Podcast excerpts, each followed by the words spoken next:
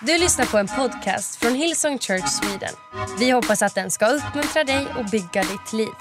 För att få mer information om Hillsong och allt som händer i kyrkan, gå in på hillsong.se. Välkommen kära Roger. Tack för att du tog dig tid att, att träffa mig här idag. Tack.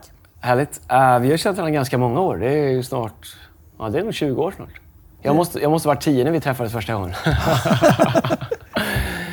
Uh, jag har bett dig komma hit idag uh, och få chansen att samtala med dig lite grann i den serie vi är i, i kyrkan under maj, Miracle May. Uh, jag har ju en enormt stark övertygelse om att vi har en Gud som gör mirakel. Amen. Att vi har en Gud som, som när vi ber så får vi. Och att Guds ord är fullt av principer som vi kan välja att bygga på eller vi kan välja att se förbi dem. Och, men om vi bygger på dem så kommer ordet alltid göra vad ordet gör. Jag brukar säga ibland att Läs som det står, tro som det står och få som det står. Amen. Uh, och jag vet att det är något som du gör också. Så jag tänkte börja med att läsa ett bibelord. Inte alla intervjuer dig, men uh, idag ska vi göra det. Och temat för idag är ju ett välsignat liv. Uh, och det kan man ju tänka att det är ett liv helt utan utmaning, men det tror jag inte att det är. Men jag tror att det är fanta ett fantastiskt liv. Och då står det i femte Mosebok 28 så här. Om du i allt lyder Herren, och nu är det nybibeln, det är ju den här översättningen. Om du i allt lyder Herren, din Gud, och följer alla de befallningar som jag idag ger för dig, ska Herren din Gud upphöja dig över alla andra folk på jorden. Och alla dessa välsignelser ska nå dig och komma över dig om du lyder Herren din Gud. Du ska vara välsignad i staden och välsignad på fälten. Du ska vara välsignad med många barn, rika skördar och stora boskapsjordar. Din korg och ditt baktråg ska vara välsignad och du ska vara välsignad när du går in och du ska vara välsignad när du går ut. Och Herren ska slå ner dina fiender åt dig när de anfaller dig och du ska dra ut i strid mot ett håll, men de ska fly från dig åt olika håll. Herren ska välsigna dina lador och allt du företar dig. Han ska välsigna dig i det land som Herren din Gud vill ge dig. Amen. Är det ett bibelord som du gillar? Eh, absolut. Det, det, eh, det gör jag. Eh, det är faktiskt så att eh, när vi förnyade våra löften, jag och Karina för ja, ungefär 20 år sedan, eh, valde vi att göra det med Lasse och, eh, Lasse, Marie och Lasse PP Nylén. Och eh, då skrev jag in i den nya ringen jag har, femte Mosebok eh, 28, 1-14. Eh, så att det, det, Carina fick en större ring och jag fick ett bibelord. och sen står det dessutom då själva eh, eh, förlovningsdatumet och eh, när vi gifte oss. Så att absolut, det är ett ord som jag har stått mycket, mycket på. Vad är ett välsignat liv för dig? Eh, ett välsignat... Oh, svår fråga, alltså, du skulle ställt frågorna innan här. Men eh, ett välsignat liv är för mig att, att man kan räkna med Gud i det hela. Välsignelse är inte primärt eh, ekonomi eller någonting, utan det, det, det, det liksom ligger över ekonomi. Det, det, det är att vara beskyddad, att vara, ha hälsa, att ha till sin försörjning. Men det är också att vara en, en, en under Guds beskydd, under Guds eh, kraft, under Guds välsignelse. Man kan ju tänka, jag vet att du är företagare eh, och eh, jag vet inte hur du benämner dig själv, men många andra skulle säga att du är en framgångsrik företagare. Eh, eh, inte minst för att du har hållit på länge. Det är det som ofta som krävs för att bli framgångsrik. Men jag vet ju också att du har en resa av... Och det är kanske är enkelt att titta på det nu och säga att ja, men det är enkelt och du säger att jag har inga problem att betala även om du inte jobbar söndagar. Och man kan tänka att man måste komma dit för att kunna följa Gud i allt.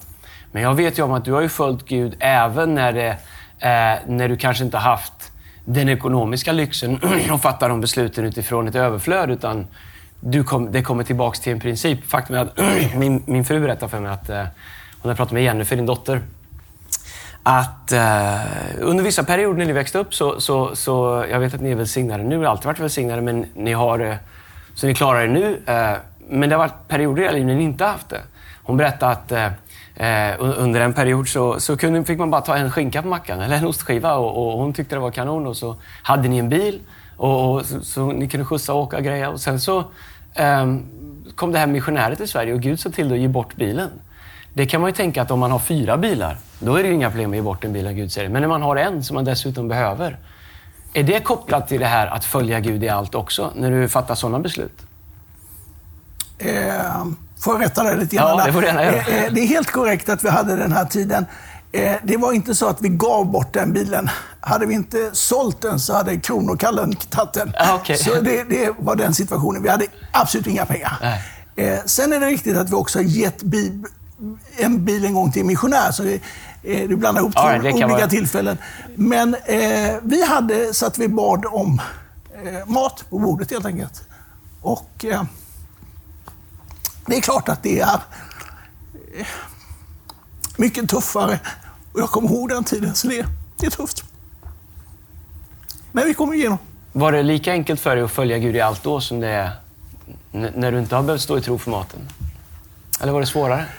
Nej, det var lika enkelt. Ja, vi hade fattat vårt beslut. Alltså, så det, det hade primärt inte med, med eh, det vi hade, utan vi, vi, vi trodde att Gud skulle hjälpa oss. Alltså, så det, det, eh, eh, och jag tror att rikedom är faktiskt svårare än fattigdom.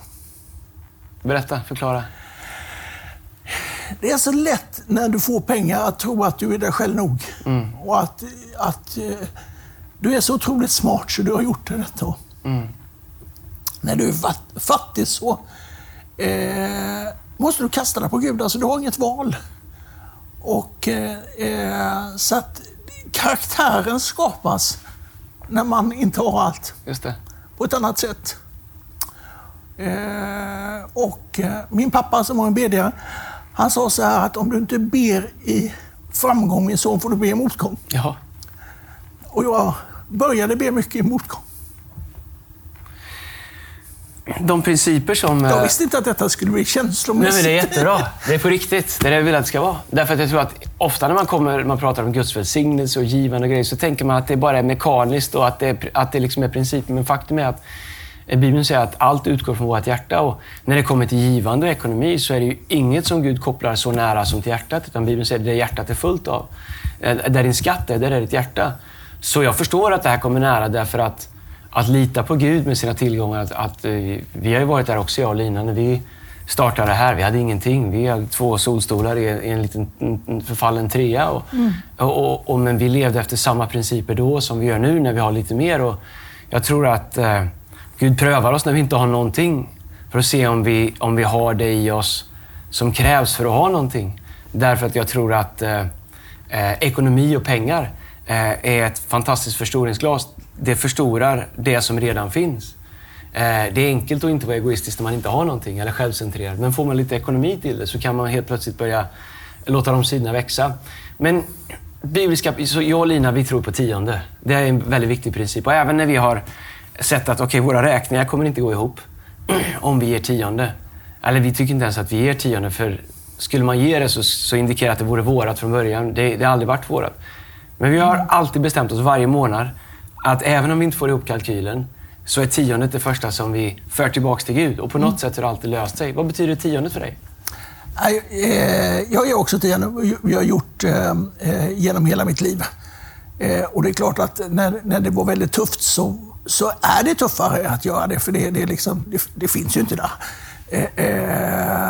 Men, men vi satte det högt och, och, och gav tionde under hela perioden, absolut. Det, det har vi gjort. Och, eh, så det är en grundprincip. Man, man citerar ofta Malaki 3 och 10 ihop med offertal. Men det finns en princip i det att, att, att har, du, har du gett tionde så kan du räkna med välsignelsen. Mm. Så, så tionde är en, ett fundament. En, en, en, en, sen kan man diskutera, ska man ge tionde på brutto, netto? Eh, ska man ge det på pension? Ska man ge det på lön? Vad ska man göra? Ge tionde på något i alla fall. Ja, exakt. Räkna på något sätt. Alltså. Ja. Men bestäm dig för att göra det gentemot Gud, så får vi Gud i så fall korrigera alltså, när det gäller den biten. Men, men eh, vi har gett tionde under hela vårt, vårt äktenskap. Det har vi gjort. Varför tror du att det ibland är så? Men som kyrka så kan man ju prata om nästan vad som helst så länge man inte pratar om eh, sex och pengar. Varför tror du att tionde till och med i kyrkan ibland är så kontroversiellt? Efter, när man- läser om tionde, du citerar Malaki 3 och 10, där det står att eh, ge det här till Gud, det här tillhör Gud. Eh, egentligen är det som att allt tillhör Gud, men Gud säger behåll 90 och de kommer att vara välsignade och låt mig ha de 10. Och han säger att han vill koppla det till att bygga Guds hus och allt det här. Men han säger också att när vi gör det så ska himmelens fönster vara öppet över oss. Jag tänker för mig, jag kanske inte är den vassaste kniven i lådan, men jag kan åtminstone räkna ut att det är bättre att leva under en öppen himmel än en stängd himmel. Jag tycker att det är så tydligt kring generositet och givande och inte minst kopplat till tiondeprincipen att uh, jag tycker det är så tydligt i Bibeln. Varför tror du att det ibland är så känsligt att prata om? Ja, jag tror att du är rätt så vass kniv i lådan. Det, Tack, tror jag. det var det jag fiskade efter. Eh, du är kanske inte är den mest utbildade i lådan, men du är en vass kniv är du. Okay, tack. Eh, det är ju det att pengar sitter så nära människors hjärtan. Alltså, så det, det, det, det, och framförallt världen, när de tittar på oss så tänker de bara att de är bara ute efter pengar. Mm. Och därför, för världen är bara ute efter pengar. Det. det. är liksom så som världen tänker. Alltså. Rikedom och ära, liksom, det, det, det är liksom det, det, det man skjuter fram. Eh, så det tror jag. Jag vet en episod i samband med att vi, vi, vi, vi eh, sålde bilen och det räckte inte för att betala alla räkningar, men det räckte i alla fall. Då hade vi ingen bil. Och som affärsman eh, eh, var det väldigt svårt. Men så gjorde jag i alla fall en väldigt bra affär efter det. Eh, helt gudomligt, vi ska inte gå in på den, men jag fick över en halv miljon kronor. Och jag fick dessutom en, en firmabil in till mitt företag, så det var ju helt underbart. Och så sitter jag på väg till ett möte i bilen och så säger jag så här till mig själv. Underbart, äntligen lite likviditet. För det hade varit noll innan. Det var liksom, eh, så lite så det fanns inte. Och så säger Gud så här till mig i bilen. Eh, ge det tillbaka till mig. Du ska inte ha din trygghet i pengar, du ska ha din trygghet till mig. Så jag ringer upp min fru. Eh, jag var en av de första som hade mobiltelefon på den tiden. Det var en sån stor grej man hade fast i bilen. Eh, och sa att Gud har sagt att vi ska ge alltihopa, bara tillbaka. Och det gjorde vi. Eh, men det satte en, en, någonting som jag kommer ihåg. Alltså att, att ha inte din trygghet i pengar. Ha din trygghet i Gud. För pengar, det är, jag har sett människor som är hur rika som helst, liksom paff så är det bara borta för dem. Eh, eh, det finns ingen trygghet i det med pengar. Det, det, det, finns inte. Och nu när vi går igenom den ena episoden efter den andra. Först är det pandemi, sen är det krig. Till hösten, I'm sorry to say, men det kommer svält. På grund av kriget och på grund av mm. inflationen. Mm. Måste vi ha vår trygghet i Gud. Mm. Har vi då trygghet i pengar så kommer det inte fungera. Nej. Utan vi måste bygga vårt liv på en trygghet på Gud. Att, att vi är Guds barn. Att femte Mosebok 28 gäller. Att vi kan ställa oss på ett löfte och utifrån det leva vårt liv. Alltså. Eh, men den episoden eh, formade mig väldigt mycket. Det, det är liksom, ha inte din trygghet i pengar, utan ha din trygghet i mig. Så det, du, det jag hör dig säga är att det här med givande och, och generositet och tionde, det har mer att göra med vår relation med Gud och vårt förtroende för Gud än, än faktiskt med pengar? Jag tror att det finns olika tjänstegåvor i församlingen. Jag tror att det finns de som, som eh, eh, evangelister och de är lärare och så vidare. Och vi har fått en gåva att ge. Mm. Eh, så att det gäller nog ännu mer oss som har den gåvan. Alltså. Och det är klart att ju mer Gud välsignar, ju mer kan vi ge. Mm. Så enkelt är det. Alltså det, det, det Eh, jag tror inte alla ska ge utöver tionde. Jag tror inte det. Jag, tror att man, tionde är liksom där man ska göra. Kan du göra mer? Alla bonheur. Men eh, alla ska inte bli evangelister. Alla ska inte bli lovsångare. Alla ska inte bli pastorer. Men det den kallelsen de har, den ska de fullfölja. Och vi har en kallelse att vara med och finansiera. Eh, och gör så också och känner en glädje i det och en frid i det. Och det, det eh, det är en kallelse för oss också. Det är liksom inte bara att vi, vi är generösa, vi är kallade till det. Hur, hur, har du tänkt när du kommer till, eh, för jag vet eh, Lina pratade med Jennifer och eh, er dotter, ni har ju tre barn. Eh, och så som vi uppfattar det, nu har jag förmånen att jobba med Jennifer och, och med Tobbe, hennes man och andra, eh, så ser man att det här har gått i arv, just det här liksom förtröstan på Gud. Och, har det varit viktigt för dig när du har uppfostrat dina barn att, den här, att det här är något som de får med sig ut i livet? Absolut. Vi, vi eh, står i Bibeln att vänd den unge vid den väg den ska vandra så viker den inte av när den blir äldre. Så vi har vant dem, vi åkte alltid till, söndag, eh, till kyrkan på söndag. Eh, eh, så vi har vant dem vid den här vägen och, det är klart att de har sett hur vi har levt. Och de har sett hur vi har gett och eh, det har gjort intryck på alla våra tre barn. Sen har de helt olika kallelser i sitt liv. Såklart. Eh, en är pastor, en är ekonom, en är läkare. Så jag brukar säga att jag har en för eh, min kropp, jag har en för min själ, jag har en för min ekonomi. Alltså. Så det, det är spritt så att jag har ja. hjälp på alla fronter. Till de som aldrig har, eh, som aldrig har provat det här. Till de som aldrig har eh, provat att ge. Faktum är att Bibeln säger att vi inte ska pröva Gud. Förutom på ett område. När det kommer till givande, när det kommer till tionde, när det kommer till generositet. Där säger Gud, pröva mig. I övrigt säger han att vi inte ska pröva honom, utan lita på honom. Till de som aldrig har prövat Gud vad det gäller att sätta honom först eh, med sitt givande eller våga lita på honom. Eller som du beskriver att de här pengarna ska jag behöva själv. Och det behöver inte bara vara pengar, det kan vara vad som helst. Men till de som aldrig när det kommer till sin ekonomi har vågat fullt ut lita på Gud, vad skulle du säga till dem? Nej, det är, det är som det står, att pröva. Liksom det, det, det, man kan ju om man känner osäkerhet i detta, ska jag ge tionde, ska jag ge ännu mer tionde, en offergåva och så vidare. Eh, sätta av en, en period och säga nu gör vi detta i fyra månader, ger eh, tionde. Och sen efter det så tittar man, eh, eh, hade det en funktion? I och med att det finns en pröve så finns det en prövotid och det kan ju liksom inte vara hundra år. För det, det, är liksom, någon gång måste det få ett ut, utslag. Alltså. Vi var med i en församling för flera, flera år sedan som eh, Stanley Sjöberg drev. Just det. Och han sa så här att om ni inte klarar ge tionde, ge 5 procent. Om mm. ni inte kan ge 10 procent. Pröva med något. Börja någonstans. Alltså, bör, börja liksom en, en sträcka. Bibeln talar klart om 10 procent. Mm. Men det är ju inte det att 10 procent, äh, då kör jag noll. Nej, precis. Kör något då. Ja. Pröva med något i alla fall. Börja med alltså. det du får tro för. Liksom. Ja. Ja, i en kyrka som jag jobbar i... Det var inte bibliskt där, för Bibeln pratar bara om 10 procent. Men det kanske var... Det kanske är en bra, väg, ett bra steg på vägen till... Alltså, kanske, kanske det är teologiskt fel och att de ringer upp och skäller på dig. Nej, Men det är det, det de får reda på. Mig vet de inte vem det är. jo då, efter det, idag så vet alla vem du är. Men vet jag jobbar jättemycket med en kyrka i USA som heter Christ Fellowship. Stor kyrka, 45 000 människor. Uh, och uh, Todd Mullen som är pastor där, han undervisar, hade en serie om ett uh, blessed life, välsignat liv. Och han sa så till hela kyrkan, pröva Gud med tiondet. Ge tionde i tre månader. Om du efter tre månader säger att jag är inte välsignad, jag ser ingen skillnad, då får du tillbaka alltihopa. Och nu ska vi veta att det är tusen, tusentals människor som prövar det här. Vet du hur många som kom tillbaka efter tre månader och vill ha tillbaka sitt tionde? Ja, tre tror jag. En. En. en.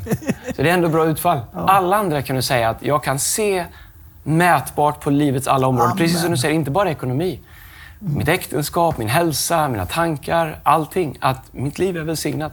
Och det är det som alla pratar om, att himmelens fönster är öppet över dig. Mm. Och det är också kopplat till Fesbrevet, där det står att alla dessa andliga välsignelser ska komma över dig. Ehm, för min del så är det, jag vill leva böjd inför ordet, inte bara för att bli välsignad.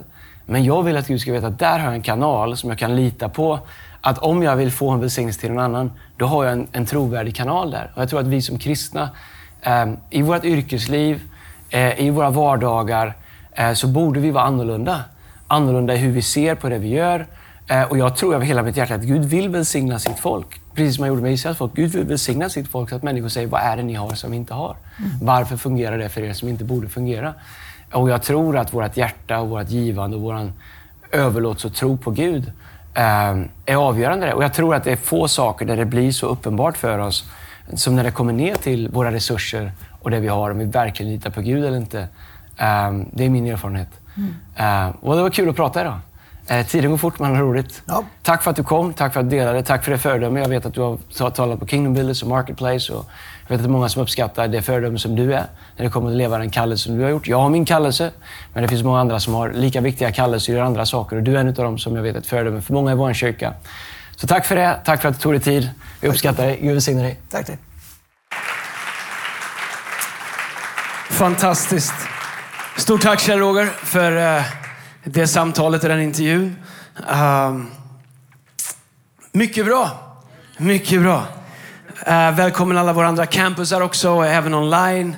Ehm, vi ska, ska dela eh, några bibelställen innan vi lovsjunger och har förbön som vi har i Miracle May på alla våra söndagar.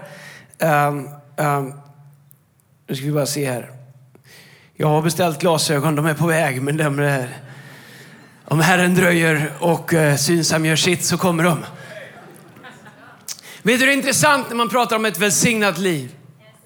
Eh, att det är så lätt att tänka att det bara handlar om ekonomi. Men egentligen så är det exakt där vi började när jag kom upp idag. När man pratar om en posture, om en hållning inför Gud.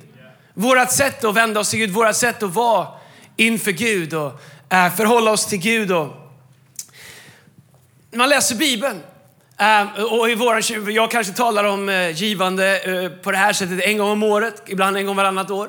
Men Jesus när han undervisar, när vi läser Nya Testamentet, så ser vi att ungefär 500 gånger så talar Jesus om tro eh, eller om bön. Tro och bön tillsammans 500 gånger. Men han talade 2000 gånger om givande, ekonomi och förvaltarskap.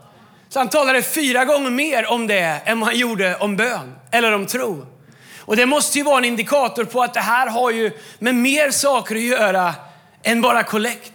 Jag tycker Kjell-Åge sa det så bra att äh, om det är någonting som jag får, äh, det är sånt han, men om det är någonting som jag får kritik för någon gång i media så är det att ja, men det är kyrka, de är bara ute efter pengar och de är bara, du vet, det är liksom, det är, det är liksom något hemlighetsmakeri, det är, det är ett pyramid, du vet så här. För, därför att världen kan inte förstå. Och jag tycker Kjell-Åge sa det så bra, jag har aldrig tänkt på det på det här sättet, att världen tror att allt handlar om pengar. Därför att världen tror att allt handlar om pengar.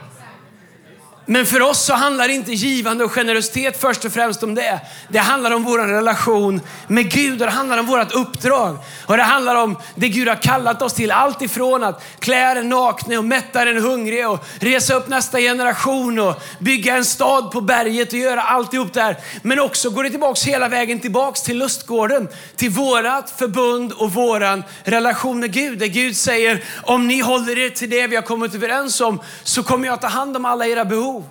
Och vi kommer ha en relation. Och låt mig bara läsa några bibelord. Jag ska inte predika länge idag. Så alla predikanter. Men jag ska inte det. Äh, Matteus kapitel 6, vers 19 så står det så här. Samla inte skatter här på jorden. Lyssna, checka inte ur. Där de förstörs av mal och mask eller lätt kan bli stulna av inbrottstjuvar. Samla skatter i himlen där varken mask eller mal förstör. Äh, och där de är säkra för tjuvar. För där din skatt finns, där kommer ditt hjärta att vara. Så Bibeln kopplar ihop våra skatter till våra hjärtan. Och när jag läste det här så funderade jag på att det finns ju två saker som definierar det här. Det ena är vad och det andra är vart. Vad är min skatt? Och vart är min skatt? För vad som är min skatt definierar vart jag har min skatt. Där din skatt är, där kommer ditt hjärta att vara. Alltså där, det jag värderar, det jag säger är min skatt, där jag placerar det, där kommer mitt hjärta att vara. Om min skatt är mitt sparande, om mitt skatt är liksom min framgång, om mitt skatt är allt som jag kan köpa, om det är mitt skatt, då är det mitt vad. Och mitt vart, alltså det hjärtat är, kommer följa med dit. Det är därför som Bibeln säger att liksom, lita inte på att, Kjell-Roger sa det bra, att, eh, det, han pratar om att de som varit väldigt rika, poff och allt borta. Och det är det Jesus säger att, att liksom, låt inte er skatt, ert hjärta fastna i det. Han är inte emot välsignelse, han är inte emot någonting utav det. Men han säger att det är ett väldigt dåligt ställe att placera sitt hjärta i. Och det är ett ännu sämre ställe att placera sin identitet i. Om vem jag är är kopplat till min skatt eller till min framgång eller till hur stort jag bor, eller vilken bil jag kör, eller liksom vart jag är på semester. Om det är, om det är min skatt, då kommer mitt hjärta vara kopplat till det. Och jag har varit igenom stormar i livet där jag upptäckt att det är minsann ingenting att be till. Och det är ingenting att hålla i. Och i Guds perspektiv så är allt med det här Guds mål att hela tiden koppla oss till Gud. Det vi litar mest på, det är där vi placerar våra tillgångar. Eller hur? När mina barn var fem år så gav jag dem inte nyckeln till min bil. Därför att jag litar inte på att det var en bra placering av den bil som jag betalar av på. Det vi litar på, det är där vi placerar våra tillgångar. Därför kan vi se i våra liv vart vi har våran trust. Vad det är vi litar på, vad det är vi sätter först i våra liv. Våra tillgångar, Guds förtroende, Guds förbund. Är det Gud så är det hos Gud. Vårt hjärta är hos Gud. Vårt hjärta följer med våra skatter. Det är därför som det här med tionde, jag kommer inte ens predika om det idag för jag tyckte Kjell-Åge pratade så bra om det. Men det är därför som Gud eh, ger oss den här, den här liksom principen därför att det hjälper våra hjärtan att följa med att tro på Gud. Följa med och följa Gud. Det finns ett annat bibelställe i Matteus kapitel 5, vers 16 eh, på engelska, den engelska översättningen, the message, där det står Keep open house. Be generous with your lives. By opening up to others, you'll prompt people to open up with God, this generous Father in heaven. Älskar det bibelordet. En av de grundläggande bibelverserna som vi har byggt det här huset på, den här kyrkan. Eh, eh, det står Keep open house. Alltså håll ditt hus öppet. Men hus pratar inte bara om din ytterdörr, det pratar om ditt liv, pratar om våra liv. Och Jesu uppmaning till oss är att leva liv som är öppna och som är tillgängliga. Och säger han, keep open house, alltså lev öppna liv. Var generösa med era liv. Så han kopplar generositet till mycket mer än det som hamnar i offerhinken. Vilket är bra därför att inget hamnar i offerhinken sen Swish kom. Men, men, men han kopplar vår generositet till vårt sätt att se våra liv. Vårt sätt att leva våra liv. Det som människor möter när de träffar dig på arbetsplatsen, eller i skolan, eller på ICA, eller vart det än är. Det finns väl också att det finns andra matvaruaffärer att handla, handla på. Men det är som att Gud säger att vårt sätt att vara kommer särskilja oss från andra människor. Vårt sätt att leva öppna liv, vårt sätt att leva generösa liv. Generositet handlar om, om vad vi ser. Bibeln säger he who has a generous eye eh, eh, eh, uh, uh, devices generous things. Den som har ett generöst öga, han ser i generositet. Generositet går så mycket djupare än vad vi tycker att vi har att ge. It's a way of life. Vår generositet är Guds verktyg, säger Matteus 5 och 16, för att göra Gud synlig. Är, men han säger att by opening up to others, genom att öppna upp för andra människor, så kommer vi få människor att öppna upp sig för Gud, vår generösa far i himmelen. Så våra liv, vårt sätt att leva öppet, vårt sätt att betala lunch, ta lunchen för någon eller när jag köper en tröja, köpa två och ge en till en vän. Här är grejen med generositet. Generositet handlar inte bara om att vi ger mat till, till de som ingen har. Det ska vi göra, det är våra core-uppdrag. Det handlar inte bara om att vi ger kläder till de som inga kläder har. Generositet handlar om att välsigna människor för att påminna människor om att det finns en Gud som älskar dem. Generositet går always. Det går till de som inget har och det går till de som har mycket. Ibland tänker vi att det enda vi ska göra är att välsigna människor som inget har. Generositet, it's a way of life. Och vi borde vara kända. En av våra liksom, kärnvärderingar i Hillsong är generositet. Ett sätt att se, generösa med våra ord, generösa med våran tid, generösa med våra gåvor, generösa med våran människosyn. Generositet, it's a way of life. Och en generös människa kommer alltid titta på möjligheten att ge utifrån sitt generösa sätt att förhålla sig både till Gud och till omgivningen. Ett sätt att leva, ett sätt att se. Ett annat bibelord som skulle läsa i tredje Mosebok kapitel 19 och vers 9. Och om det är någonting under den här predikan som kanske kommer lite nära så är det nu så kan ni bara vara redo på det och så, så kommer vi runda av och keyboarden kommer upp och allt är härligt snart. Men jag tycker att det här är viktigt. Tredje Mosebok kapitel 19, vers 9. När ni bärgar skörden ska du inte skörda i hörnen och längs kanterna av fältet. Inte heller plocka upp ax som ligger kvar på marken. Du ska inte heller göra något, eh, någon efterskörd i din vingård och inte plocka av de nedfallna druvorna. Lämna detta åt de fattiga och åt främlingarna. För jag, Herren, är eran Gud. Spännande bibelord. Så Gud säger att när vi skördar, nu vet jag att det har gått några generationer sedan sen, eh, sen vi var ett bondesamhälle och kanske är det ingen inne i city som förstår vad det här betyder. Men eh, kanske är jag bland vänner här i norra, I don't know. Eh, men när Bibeln säger att när, när vi skördar, skörda inte fältet om vårt liv är ett fält, vårt arbete är ett fält, våra intäkter är ett fält. Skörda inte hela vägen ut i kanten. Utan lämna kantzoner, lämna hörnen så att det finns det andra som behöver. Han säger gå inte tillbaka och skörda en andra gång utan lämna det till andra människor. Vad är det Gud egentligen säger? Här är vad jag tror att Gud säger. Om vi lever liv, när jag lyssnar jag pratar inte om att man går igenom säsonger i livet som är tuffa. Tro mig, jag vet vad det är äh, när, när Kjell-Roger pratar om att behöva ha tro för att få mat på, på bordet.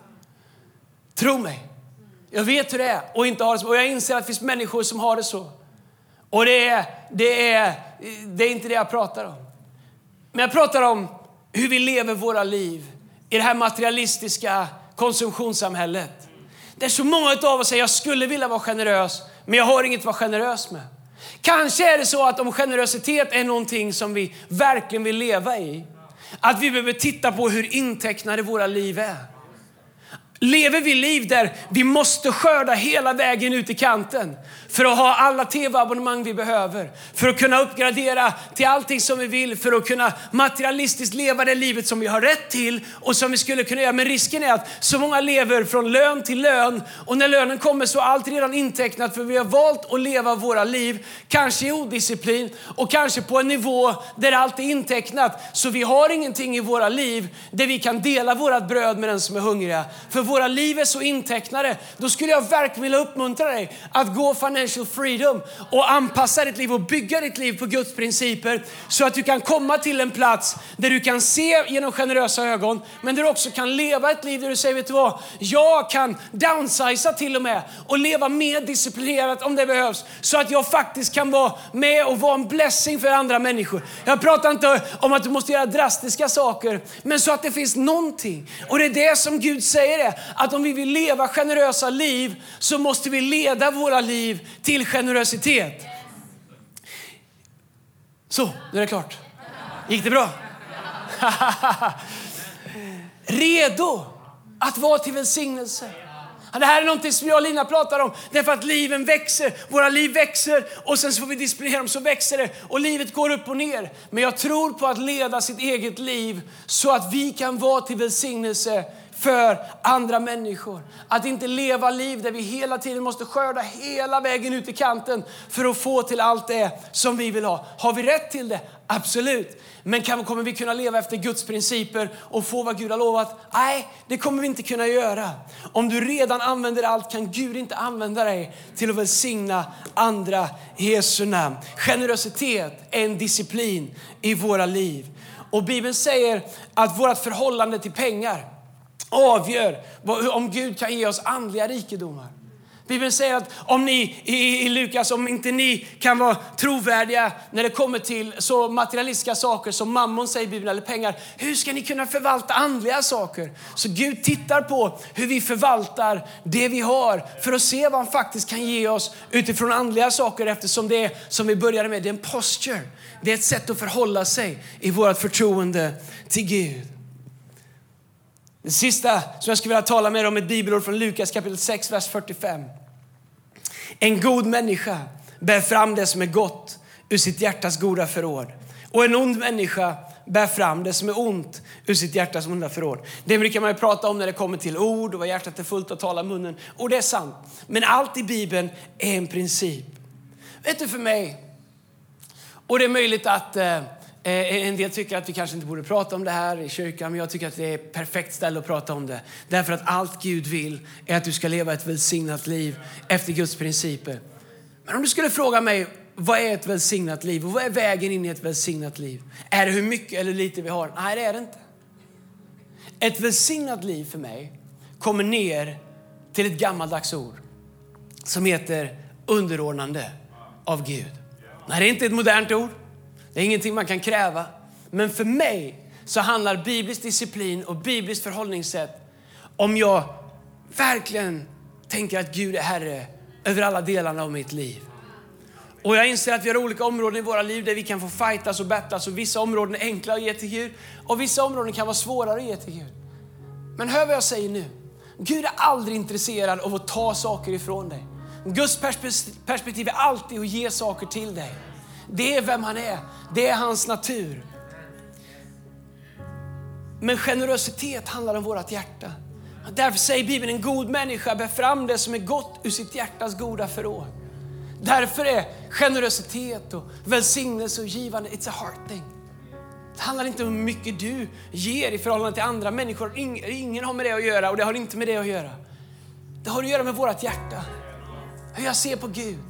Och min bild av Gud är att han är en hård Gud och han vill ha 10 procent och han kräver att jag ska ge mat till de fattiga och kläder till dem som är nå. Om vi tänker att Gud är någon, då har vi inte fattat någonting om vem Gud är. Gud vill bara ha in oss i ett förbund så att han kan välsigna oss.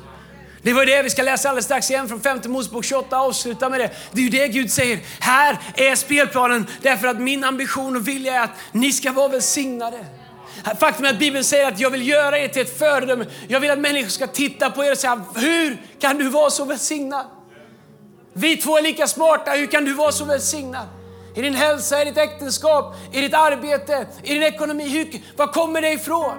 Men Bibeln säger att det har att göra med våra hjärtan, hur våra hjärtan är positionerade gentemot Gud. Därför så är det så tydligt i våra liv att när någonting kommer åt våra hjärtan, de första två sakerna som försvinner eller förändras är vår glädje och vår generositet. Det är de första två sakerna som förändras när vi låter något komma åt vårt hjärta. Därför att allting med Gud utgår från vårt hjärta. Därför så behöver vi vaka över våra hjärtan och vaka över vår vilja att behaga Gud. Vaka över helheten i Guds kallelse och låta honom få vara Herre i våra liv. Jag ska läsa från 5 Mosebok 28. Men låt mig säga en sak hur jag ser på tionde. Det är fritt i vår kyrka i tionde eller inte. Jag har ingen koll på vem som gör det. Det är mellan dig och Gud. Men jag tror att det är en biblisk princip. Och här är varför jag tror att den är det. I lustgården, Adam och Eva var i lustgården, så fanns det ett träd. Och Gud sa, ät inte av det här trädet. Varför sa han det? Sa han det därför att eh, det var en frukt som man inte tänkte att de, eh, den är inte bra för er att äta? Eller var det så att eh, Gud ville att de skulle klara sig på lite mindre? Bibeln säger att i lustgården fanns allting. Adam och Eva hade allt de behövde. Det var översvämmande av godhet, av allt som någonsin behövdes. De saknade absolut ingenting. De hade allt. Och Gud hade orkestrerat det så att Adam och Eva levde i förbund med Gud. Och Gud sa, ni behöver inte oroa er för var er mat ska komma ifrån. Ni behöver inte ens kläder, det behöver ni. Ni behöver inte, ni behöver liksom, jag tar hand om det. Så säger Gud, som ett tecken på att vi är i förtroende med varandra, låt bli det här trädet. Men Adam och Eva som hade allt, ville ha trädet också. Och förlorade allting för att de bröt förbundet. För mig är tiondet ett träd. För mig är tiondet samma sak som trädet i lustgården. Det Gud säger, ge det här till mig. Så kommer jag ta hand om allt andra. Ge det till mig så kommer jag vaka över alla andra delar. I, han säger inte, inte klä blommorna sig själva, inte i, vem, vem ger sparvarna sin mat. Jag kommer ta hand om er. Som jag gjorde med Israels folk i Egypten när de fick manna, när de fick vaktlar. Jag kommer ta hand om er. Och så säger Gud, pröva mig i det här. Lita på mig. Var i förbund med mig. Låt mig få vara er Herre. Låt mig få vara er försörjare. Låt mig få vara den som öppnar de dörrar som är rätt för er och ser till att ni inte går in i de dörrar som är fel för er. Låt mitt förbund vaka över era hem, över era äktenskap, över era inre liv, över era relationer, över era karriärer. Låt mitt förbund vara det som håller ihop det. Gud vill få välsignelser till dig, inte ifrån dig. Låt mig avsluta med att läsa en deklaration över oss var och en ifrån femte Mosebok 28. De 14 verserna medan lovsångsteamet kommer upp och innan vi lovsjunger och har förbön. Låt de här orden sjunka in så att du vet vem Gud är och hur Guds position till dig är. Lyssna noga allihopa.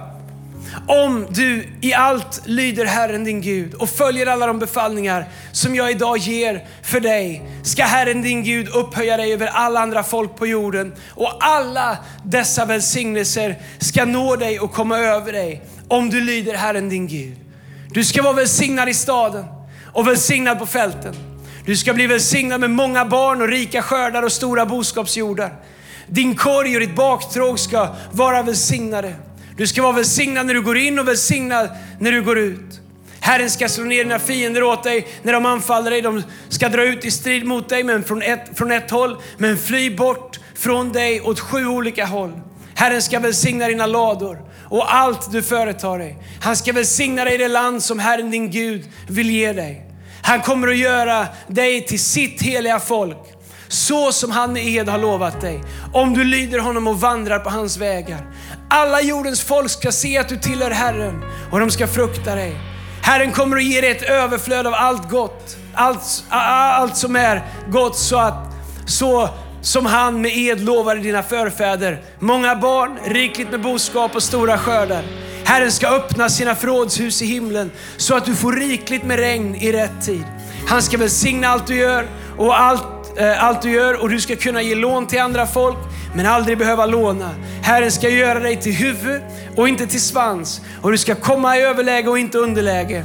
Om du lyder Herren din, Gud, din Guds befallning som jag idag ger dig och följer dem noga Vik inte av åt något håll från någon av de bud som jag ger dig och börja inte följa och tjäna andra gudar.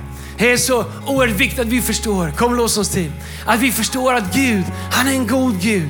Han är en Gud som vill välsigna dig. Han är inte en Gud som håller koll på dig. Gud är inte din revisor. Gud han är inte din skattemyndighet som försöker hålla koll på dig. Gud är en Gud som är ett överflödets Gud. Gud är ett Gud som vill välsigna dig. Gud är en Gud som är mer än nog. Gud är en Gud som är källa till alla våra behov. Gud är en god far som ser ner på oss. Han säger, jag vill ge er allt vad ni behöver. Lita på mig. Sätt mig först. Låt mig vara den som ni sätter ert hopp till. Var i förbund med mig. Håll fast vid mitt förbund. Lev generöst så att människor kan se att jag är en god Gud i Jesu namn. Kom om vi ska stå upp tillsammans. Vi ska lovsjunga. Och när vi lovsjunger den här lovsången, kanske finns du här som bara skulle behöva kalibrera ditt hjärta. Vi ska ha förbön alldeles strax, inte bara om det här. Vi ska be för helande, vi ska be för upprättelse och vi ska be för olika saker. Det här mötet är alldeles strax slut, men stanna kvar. Jag tror att det finns människor som kommer få möta Gud här idag i Miracle Me. Men kom on, låt oss bara lyfta våran blick, lovsjunga i den här sången till Gud, fästa våran blick på honom som vill välsigna oss här idag. Du har lyssnat till en podcast från Hillsong Church Sweden. Om du vill veta mer om vår kyrka eller om våra söndagsmöten surfa in på hillsong.se.